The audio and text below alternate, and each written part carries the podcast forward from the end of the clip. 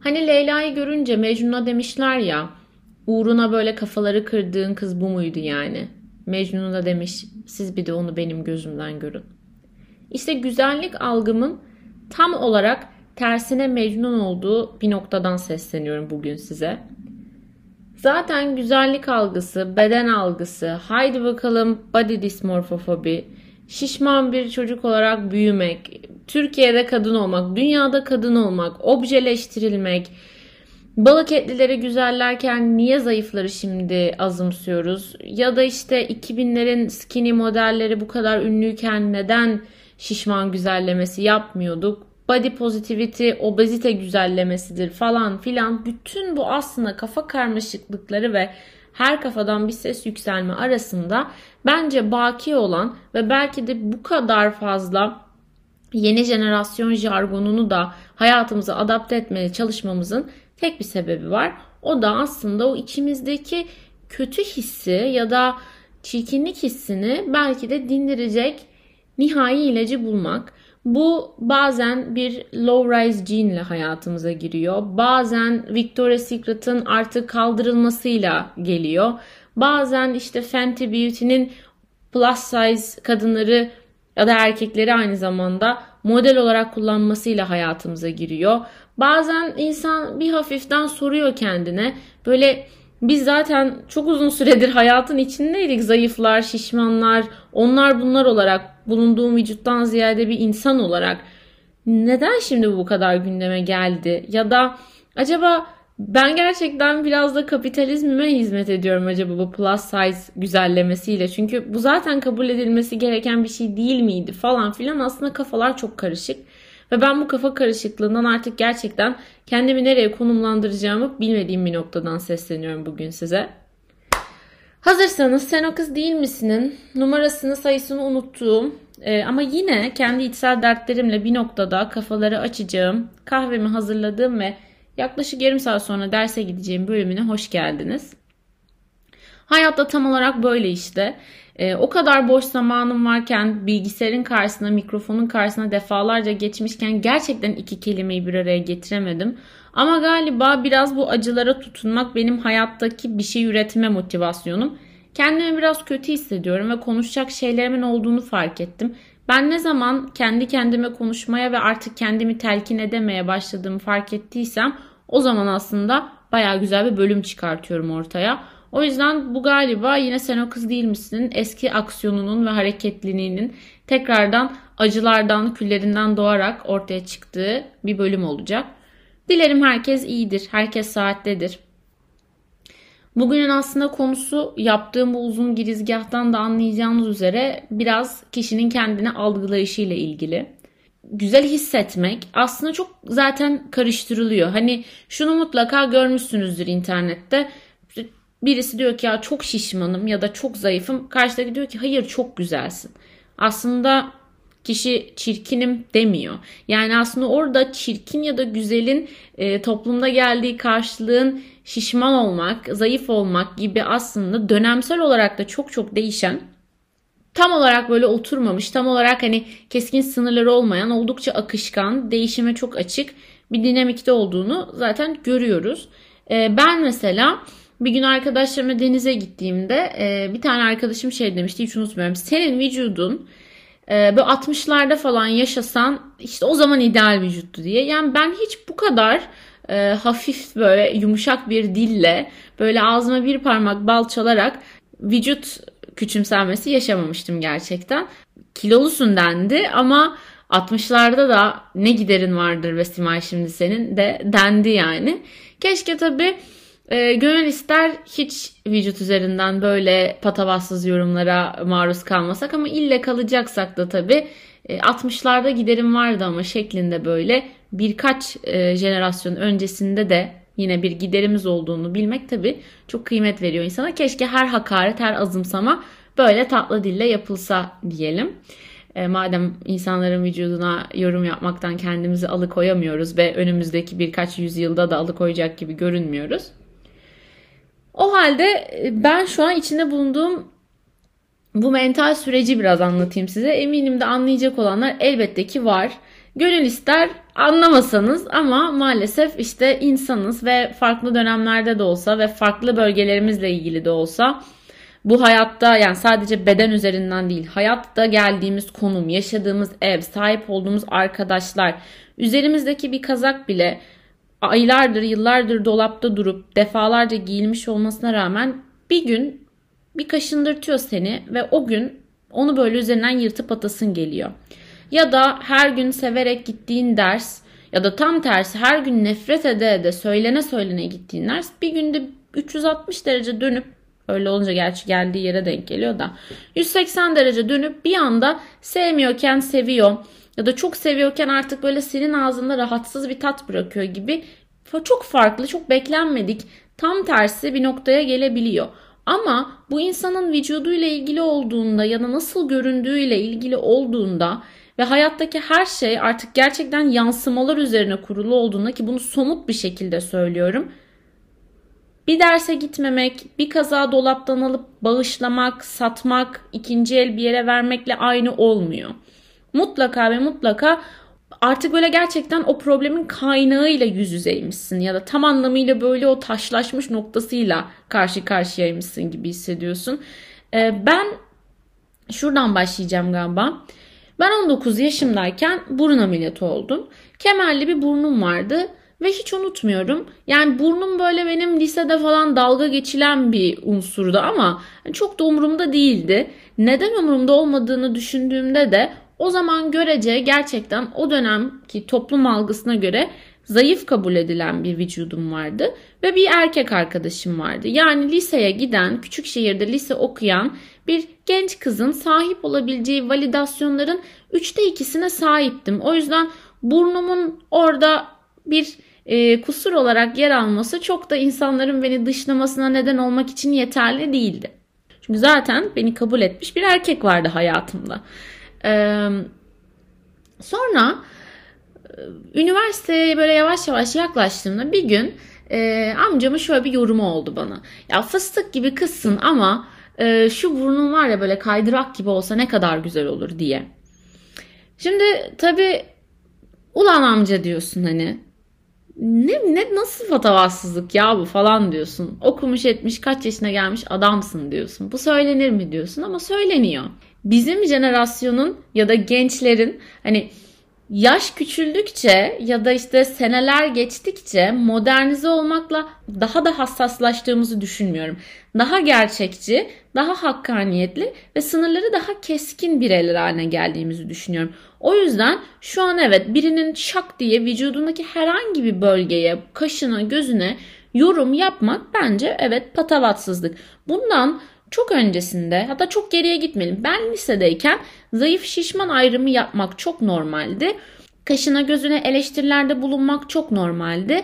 Ee, ama işte atıyorum artık eskisi kadar insanların işte maddi geliriyle dalga geçilmiyordu. Bundan daha geriye gidildiğinde maddi gelirle de dalga geçmek çok normaldi. Okullarda burslular burssuzlar tarafından eziliyordu falan. Hani Bunlar gerçekten tabii ki zaman içerisinde artık kapsamını genişletiyor ve bir insanın ya git biraz kilo ver bir spora yazıl demekle ya senin gözün biraz sağa mı bakıyor demek arasında çok bir fark olmadığını görüyoruz. Biz hassaslaşmıyoruz. Sınırlarımız keskinleşiyor ki böyle de olmalı. İnsanlar bence bir noktada haddini, sınırını bilmeli.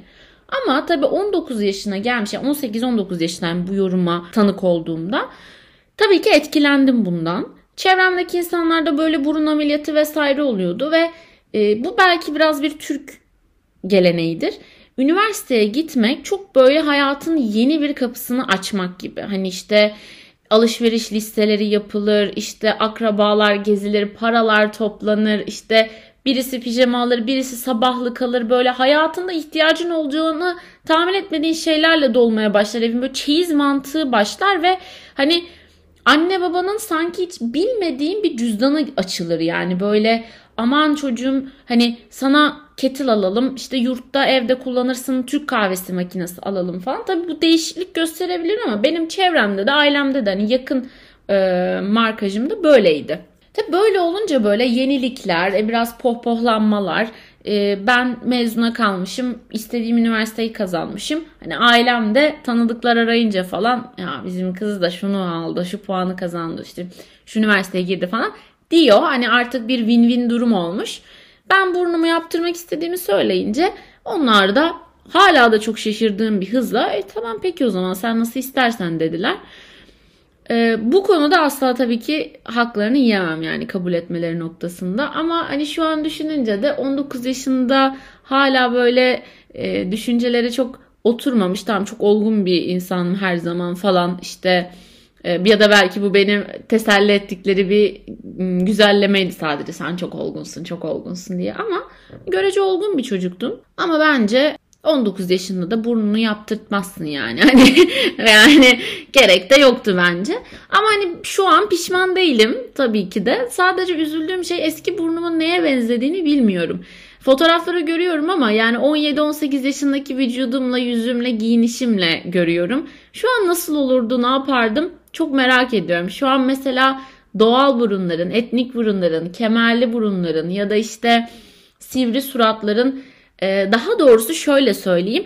Çok da böyle toplumun güzellik algısına uymayan bazı vücut uzuvlarının artık normalize edildiği, olması gereken kabulü gördüğü bir dönemdeyiz. Ve ben de böyle şeyim hani sanki böyle yıllarca giymediğim bir ceketi tam böyle bağışlamışım, vermişim. Sonra moda olmuş gibi. Oğlum benim evde kemerli burnum vardı ya falan gibi bir bir pişmanlık, bir ulan şimdi geri de dönemeyiz ki yani falan gibi bir noktadayım ama yani burnumu seviyorum. Hani şu anda da zaten yaptıramazdım istesem de bu ekonomide. Evet, öyle bir fazdı. Oldu bitti geçti. Mutluyum.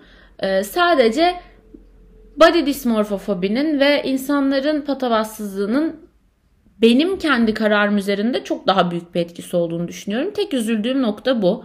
Estetiğe asla karşı değilim. Bence bir insan eğer imkanı da varsa istediği şeyi tabii ki yapabilmeli. Ama burada çok çok büyük bir pay kişinin kendi isteğinde olmalı. Niye yüzde yüzü demiyorum keşke olsam bu bana biraz ütopik bir istek gibi geliyor. Çünkü bence her anlamda dışarıdan etkilenmeye çok açığız. Kıyafetimizden yediğimiz yemeğe kadar. Yani bazı tatları benim beğenmem bile bazen toplumun onu nasıl ele aldığı ya da çevremde kimin onu beğenip beğenmediğine göre değişiklik gösteriyor. Bu kadar etkilenmeye açıkken elbette ki bazı fiziksel değişikliklere gitmek istememizin ya da bazı dış görünüş değişiklikleri bunun hani kıyafet de saç da baş da dahil Bunlar da tabii ki çok dışarıya açık olduğumuzu düşünüyorum. O yüzden hani kişi %100 kendisi bir gün yataktan kalkıp da ya ben şuramı yaptıracağım demiyordur gibi geliyor bana. Ama diyen varsa ne mutlu ona. Böyle bir öz bilinç herkeste yoktur muhtemelen. Ama hani demek istediğim toplumdan etkilenme kaçınılmaz bir şeyse dileğim bunun her zaman en minimal noktada olması ve kişinin bu kararı verirken çok büyük bir yüzde de kendisinin ben istiyorum diyebilmesi. Tabii ben üzerinden yıllar geçtiği için yani 6 yıl geçti 7 yıl geçti ama hani yine de unuttum. Ee, ama o zamanki Sima'ya biraz kulak verdiğimde daha büyük bir e, tarafın aslında daha baskın tarafın birazcık da lisedeki o burnumla küçük şakalaşmalar işte ya sen burnun kemerli olmasa fıstık gibi kızsın gibi biraz daha keskin yorumlar e, etkili oldu diye düşünüyorum. Şimdi birazcık da böyle şey noktasındayım hani nasıl desem kendimde hep bir değişiklik yapmak isteme noktasındayım. Terapistim bunun biraz da çok kendimi bir yere ait hissetmememle ilgili olduğunu düşünüyor. Katılıyorum. Katılıyorum. Ama bu kendine ait hissetmemenin belki şu an işte İtalya'ya taşınmam ve işte yeniden öğrenci hayatına başlamam, farklı sorumlulukların ama farklı yoğunlukta hayatıma yeniden entegre olması, alıştığım ve zorla alıştığım bir hayatın bir anda geri planda kalması ve benim hop yeni bir tanesine kendimi asimile etmeye çalışmam tabii ki yorucu. Ve tabii ki de hani benim özellikle bir yıldan fazla süreyle hayalini kurduğum, güzellediğim, döndüğüm saniyeden itibaren tekrar gitmeyi hayal ettiğim İtalya'dan çok daha farklı bir yerdeyim. Güneyiyle deneyimlediğim ülkenin kuzeyinde tamamen kültürel bir farklılığın içindeyim şu an. Yine tabii ki de artılarını gördüğüm kadar tam olarak da terapistimin bahsettiği o aidiyetsizliği çok derinde bir yerde hissediyorum. Ama bunun içinde bulunduğum şehirden, okuduğum bölümden, çevremdeki yeni insanlardan kaynaklı olmasından ziyade kendime kulak verdiğimde en sevdiğim yerde, en sevdiğim, en aşina olduğum insanlarla İstanbul'daki evimde, Aydın'da ya da Napoli'de ki bunun bendeki yerini bence beni bir süredir dinleyenler biliyor. Benim zaman zaman o kendimi ait hissetmemem ya da sürekli bir şeyleri değiştirmek istemem aslında bulunduğum yerden bağımsız benim kendi içimde bazı şeylerin uyumsuzluğu. Ya belki hani böyle yapbozda iki parçanın yan yana geleceği çok aşikardır da sadece hani belki o fabrikasyon sürecinde o kesim sürecinde böyle karton böyle bir tık kaymıştır ya da bir şey olmuştur da böyle o iki parçanın iç içe geçmesi bir tık zorlamanızı gerektirir. O da o yapbozu yapmaktaki o esas tatmini bir tık kırar. Kendim de onu hissediyorum. Parçalarımın doğru yerlerde olduğunu, içimdeki bazı şeyleri o regüle etme noktasında artık belli bir başarıya ulaştığımı düşünüyorum. Ama sanki o fabrikasyon sürecinde, o üretim sürecinde bir şey olmuş. Ee, ya kişinin orada o yapbozu makineyi işte ittiren kişinin boşluğuna gelmiş ya makinede bir şey kaymış ve sanki böyle benim şu an yan yana gelen, gelmesi de gereken bazı parçalarım hafiften bir uyumsuzluk gösteriyor gibi hissediyorum. Haliyle de artık yapbozun belli bir parçasına kadar gelmişken hafiften böyle bir şekillenme başlamışken de bütün parçaları kutuya koyup bozup geri göndermek ve iadesini talep etmek oldukça meşakkatli. O yüzden ben de belki de birçok insanın yapacağı gibi elime böyle aldığım işte usturayla makasla bir şeyle o parçaları metaforik olarak eşitlemeye ve o fazladan fabrikasyon hatası belki de olan o fazlalıklardan kurtulmaya çalışıyorum. Bu fazlalık burada bahsettiğim tamamen mental fazlalıklar aslında. İnanılmaz tatminsiz bir insan değilim. Ama şu an içinde bulunduğum durumda sahip olduğum tatminsizliğin boyutundan bağımsız olarak bundan çok büyük bir rahatsızlık duyuyorum. Çünkü belki bu yetiştiriliş şeklimizle, kültürümüzle, cinsiyetimizle, bize atanmış kimlikle alakalı olabilir. Mutlaka ilgisi olduğunu düşünüyorum. Ama bir şeyleri başardıktan ve özellikle de istediğim şeyleri başardıktan sonra mutlu olmamın önüne geçen bazı şeylerin başarımı bu kadar baltalamaktan uzak ve ondan alakasız olması ve buna rağmen de baltalamayı başarması çok rahatsız ediyor beni. Örneğin Arkadaşlarım bana sürpriz bir doğum günü partisi yapıyor ve fotoğraflarımı çekiyorlar, videolarımı çekiyorlar ve ben çok büyük bir mutluluk duyuyorum bundan. Ama kamera suratıma doğrultulduğunda hissettiğim tek şey şu an şu an acaba burnumun asimetrisi belli oluyor mu ya da hmm, gıdımı kapatsam mı? Ve o güzel ambiyansın içinde aklıma gelen ilk şeyin bu olması beni çok rahatsız ediyor. Sahilde inanılmaz güzel bir ortamda arkadaşlarımla ya da tek başıma bir video, bir fotoğraf çekmek istediğimde kollarımın istemsizce belimi kavraması beni çok rahatsız ediyor. İçten içe rahatsız ediyor. Kendime diyorum ki hani buradaki başarı somut bir başarı olarak yani bir skor, bir puan olarak bir şey kazanmak olarak gelmesin aklınıza. Çevremde doğum günümü hatırlayıp bunu kutlayacak arkadaşlarla donanmak bir gün güzel bir sahile gitmek ve keyifli bir güne tanıklık etmek, keyifli bir günü kendi hayatımla böyle ortak potada eritebilmek. Bunlar da benim için gündelik hayatın çok tatlı başarıları, çok tatlı güzellikleri. Ve bu güzellikleri, bu başarıları yaşamanın, kutlamanın önünde bu kadar alakasızca engellerin olması aslında çok da üzücü. Böyle bir yarım saat önce bu bölümü kaydetmeye karar vermeden önce Eda'ya bir ses kaydı atıyordum ve biraz ağlamaklıydım. Ve beni belki bunu defalarca kez söyledim. Bence birçoğunuzun da bildiği, özümsediği ve belki söyleyince hatırlayacağım şey şu ki ben e, ya şöyle olsaydı ya böyle olsaydı ya da keşkelerin kurbanı olmaktan çok korkan o yüzden de her şeyi sınırsız bir girişimcilikle yapan ya en kötü ne olur ki böyle hayat mottosu belirlemiş bir karaktere büründüm. Geçtiğimiz son 5-10 yılda belki de. Ve galiba benim korkularımdan bir tanesi de işte 50, 60, 70 artık o zaman toplum hangi yaş aralığını yaşlı kabul edecek bilmiyorum. O noktaya geldiğimde ya da şöyle söyleyeyim yaş, yaştan ya da işte iki tane yan yana gelecek olan rakamdan bağımsız olarak geriye dönüp baktığımda 20'li yaşlarımda kendimi güzel hissetmediğim ya da güzel hissetmediğim için evden çıkmak istemediğim günleri düşünüp de ne kadar salakmışım. Aslında ne kadar sağlıklı, ne kadar güzel, ne kadar dinçmişim dediğim ya da geri dönüp de yaşayamayacağım, geri alamayacağım şeylerin keşkesini yaşamaktan çok korkuyorum. Böyle ıı, dizleri ağrıyan, hareket etmesi artık kısıtlanmış, belki kırışmış bir kadın olduğumda geriye dönüp o genç kadını kıskanmak, şu an böyle tadını çıkartmadığım ya da belki de kendi kendimi kısıtladığım, baltaladığım yaşıma böyle gıptayla bakmak belki de en büyük korkularımdan bir tanesi. O yüzden de bu kendini sevme pratiğini tabii ki kazanmaya çalışıyorum. Ama o kadar klişe bir şey ki yani o kadar klişe ki kendini sev. Kendinle barışık olmak mesela benim en sevmediğim sözlerden bir tanesi. Ya ben kendime küsmedim ki kendimle barışık olayım.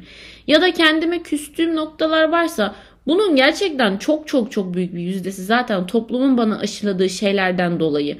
Ya da ben belli bir noktaya kadar e, inanılmaz hırslı olmamın, dışa dönük olmamın bile aslında zamanında uğradığım zorbalığın bir sonucu olduğunu bilmiyordum. Şimdi bakınca aa ne kadar güzel ya bak zorbalığa uğrayıp bundan işte çok çalışkan bir kız çocuğu olmak, çok okuyan bir öğrenci olmak gibi sonuçlara ulaşmak ne kadar güzel gibi geliyor olabilir kulağa ama değil işte. Çünkü ortaya çıkan sonuç ne kadar güzel olursa olsun eğer kaynağında onu üzmüş ya da onu zehirlemiş problemli bir kaynaktan bahsediyorsak ben ortaya çıkan şeyin de bir noktada acıyla yoğrulduğunu düşünüyorum. Mesela ben şu an o kitap okuyan, çok fazla okuyan, çok fazla izleyen Eram'a bir türlü dönemiyorum. Çünkü onu yaptığımda sanki ım, Simay kilolu ama çok okuyan bir kız gibi aşırı kel alaka bağlantıların sanki yeniden hayatıma entegre olacağından korkar gibiyim. Anlatabiliyorum bence derdimi. O yüzden şu anda da böyle tadını çıkartamamak sahip olduğum güzelliklerin ya da e, kendimi güzel hissederken elime telefonu aldığımda çok çirkin hissetmek ya da şimdi saçlarımı kestirdim ben dün ve artık gerçekten şu an saçım en kısa halinde. Hani tabii ki bunlardan artık sıyrılmamız lazım 21. yüzyıldayız ama çok basit bir şekilde hani sizin gözünüzün önüne getirebilmek için oğlan çocuğu saçı var şu an e, ben, ben bende ve hani çok da sevdim. Çok da hoşuma gitti. Uzun süredir düşündüğüm bir şeydi. Şimdi beni dünden beri böyle karalar bağladı. İşte yüzüm benim çok mu tombul, çok mu kötü? Ve böyle çalışırken, bilgisayarın başında otururken, arkadaşlarımla masada oturup onları dinlerken sürekli elimle böyle çenemi kapattığımı, gıdımı kapattığımı e, ya da işte ee, sürekli Hı, tamam şimdi ben bir yüz yogası yapayım şuna bakayım gibi böyle sürekli kafamın içindeki o checkliste yüzümü değiştirmekle yüzümü zayıflatmakla ilgili yeni şeylerin eklendiğini fark ediyorum ve bu çok üzücü ama şu noktadan üzücü 3 gün önce saçımı kestirmeden önce tek istediğim şey saçımı kestirmekti. Saçım daha uzundu. Görece yüzümü şu an kusur gibi gördüğüm çenemi, gıdımı kapatan bir saça sahiptim ve hiç beğenmiyordum. Saçımı kestirince inanılmaz güzel olacağını düşünüyordum. Saçımı kestirdim. Tam da istediğim gibi oldu. Bu sefer ya ama gıdım çok ortaya çıktı diyorum. Burada beni üzen şey belki de bunun bir sonu olmayacağına dair duyduğum korku. Tamam şimdi gıdımı hadi bir şekilde hallettik. Ya spora gittim ya gittim liposuction yaptırdım ne bileyim yüzümü gerdirdim falan. Peki sonrası biteceğine inanıyor musun? Çünkü 7 yıl önce 6 yıl önceki Simay biteceğini düşünüyordu burnunu yaptırınca olmadı. Hani yine aynı şeye mi döneceğiz? Bunun böyle bir korkusu var. Bilinmezliğin getirdiği o anksiyete. E bir noktadan da insan kendini bir tık böyle iki yüzlü hissediyor. Yani bütün bu kendini sev zırvalıkları, işte self acceptance'lar, e, sen çok güzelsin, sen doğal da güzelsinin arasında içten içe insanın kendini şevlemesi çok üzücü. Aslında örtük ırkçı olmak gibi bir şey yani rol yapmak gibi. Şöyle bir şey var bence bunu da yaşayanlar vardır. Ben mesela benim vücut tipime sahip kimi görsem bana çok güzel geliyor. Benden daha kilolu olsun, benden çok daha zayıf olsun. Bunlar bunlardan tamamen bağımsız. Mutlaka bunu fark ettim. Her insanda onu sevecek, hoşuma gidecek, ondan esinlenecek bir şey buluyorum. Bu belki de o insanın biricikliğinden kaynaklanıyor. Ama kendime geldiğimde belki de artık aşinalık kazanmaktan, 25 yıldır kendimle aynı vücutta, aynı simayla yaşıyor olmaktan belki de o geçirdiğim değişimi, o evrimleşmeyi, o düşüncelerimin dış görünüşüm kadar aslında değiştiği, hızlandığı, yavaşladığı, tamamen tersine döndüğü, bu, bütün bu şeylerin aslında tam olarak içinde olduğumdan belki aslında ne kadar büyük bir değişimin içinde olduğunu da fark edemiyor insan. O nedenle de belki biraz haksızlık ediyorum. O nedenle belki de benden çok daha kısa saçlı ve benden belki de çok daha yuvarlak suratlı birini gördüğümde çok hoşuma giderken aynada baktığım suratı bir türlü beğenemiyorum. Ama bu da bana kendimi çok ikiyüzlü hissettiriyor. Çünkü bu sefer sevdiğim, beğendiğim, güzel olduğunu beyan ettiğim insanların acaba onları kandırdığımı mı düşünüyorlar ya da onları teselli ettiğimi mi düşünüyorlar gibi bir korkuya kapılıyorum. Çünkü bir insanın ya sen şöyle çok güzelsin cümlesine bir teselli olarak maruz kaldığını çok deneyimledim hayatımda. O yüzden bir insana tamamen kalpten onu beğendiğimi, onun güzelliğini, çekiciliğini beyan ettiğimde onun kulağına bunun teselli gibi gelmesini istemiyorum. Ama belki de kendime bu kadar e, zorbalık yapıp insanlara çok güzel olduğunu, çok çekici olduğunu söylemek de çok ikiyüzlüce geliyor. Nasıl göründüğü önemli değil ama ikiyüzlüce hissettiriyor. Çünkü geceleri yatağa başımı koyduğumda gerçekten içimdeki o simay böyle ışığı şak diye kaldırıp sanki böyle yatıya kalan arkadaş gibi tam uykuya dalacakken bir anda bana dönüp diyor ki Madem bu kadar sevebilme yetin var, beğenebilme, takdir edebilme, kendine gelince niye yapamıyorsun ki? Ya da gerçekten bir şeyleri beğenmek ya da sahip olduğun konumun tadını çıkartabilmek, dışarı çıkıp dolaşabilmek, güzel bir anın fotoğrafını çekebilmek için gerçekten e, zayıflamaya, kilo almaya, yüzünü yaptırmaya ya da işte saçının şeklini değiştirmeye, kaşını boyatmaya ihtiyacın var mı? Ya burada bu çok bu çok böyle hassas bir konu olduğu için bu arada yani çok üzerine çok fazla şey söylenmiş ama yine de bir çözüme ulaşılmamış. Hala da çok farklı görüşlere sahip olabileceğimiz bir konu olduğu için olabildiğince de kendimi düzgün açıklamak istiyorum. Burada kesinlikle kendini değiştirmek, giyim tarzını değiştirmek, saçını başını boyamak, estetik yaptırmak, spora gitmek istemek, kilo almak, kilo vermek istemek. Bunların hiçbirini negatif görmüyorum. Hiçbirini bunları yapmayın. Bunları yapıyorsanız kendinizi sevmiyorsunuz demektir gibi dile getirmiyorum. Ne yaparsa yapsın insan kendini değiştirmek istemenin kendini beğenmemek gibi bir anlama karşılık geldiğini de düşünmüyorum. Kişi kendini baştan aşağıda değiştirse, hiçbir yerine dokunmasa da bunun o kişinin kendini sevdiği, sevmediği, seveceği ya da sevmeyeceği gibi keskin anlamlara gelmediğini de biliyorum. Benim buradaki tek arzum değişimlerden ya da değişmemekten bağımsız olarak kişinin kendini kabul etmesinin aslında o kadar da söylendiği kadar kolay olmaması. Ve bunu benim bile, benim bile diyorum çünkü sürekli bu konuda konuşan, arkadaşlarına akıl veren, arkadaşları ne kadar güzel olduklarını fark etmeyince böyle onları omuzlarından silkip kendilerine getirmek isteyen tarafımın kendiyle baş başa kaldığında kendine bu kadar zorbalık yapmasına üzüntümü sadece dile getiriyorum. Bu bölümü kaydederken belki de tek arzum şuydu, şunu görmekti. Evet şu an kendimi çok da güzel hissettiğim bir dönemde değilim. Evet kendimi eleştiriyorum. Bazı yerlerimi kapatmak istiyorum. 3 gün önce kendime bayılırken, fotoğraflar çekilirken 3 gün sonra aynaya bakmak istemiyorum. Ee, bundan birkaç gün önce ya da birkaç ay önce işte bahane olarak kullandım. Ya yakında regl olacağım. Ya şimdi hava değişimi. Ya şimdi hani kötü bir dönemden geçiyorum. O yüzdendir gibi bahanelerimin de olmadığı, her şeyin de görece yoluna gittiği bir dönemde bu kendimle yaşadığım bu anlaşmazlık içinde, bu, bu çatışma içinde olmayı sadece dile getirmek istedim. Çünkü bazen e, içinde bulunduğunuz durumda her şey yerli yerindeyken de insan kendiyle çatışabilir.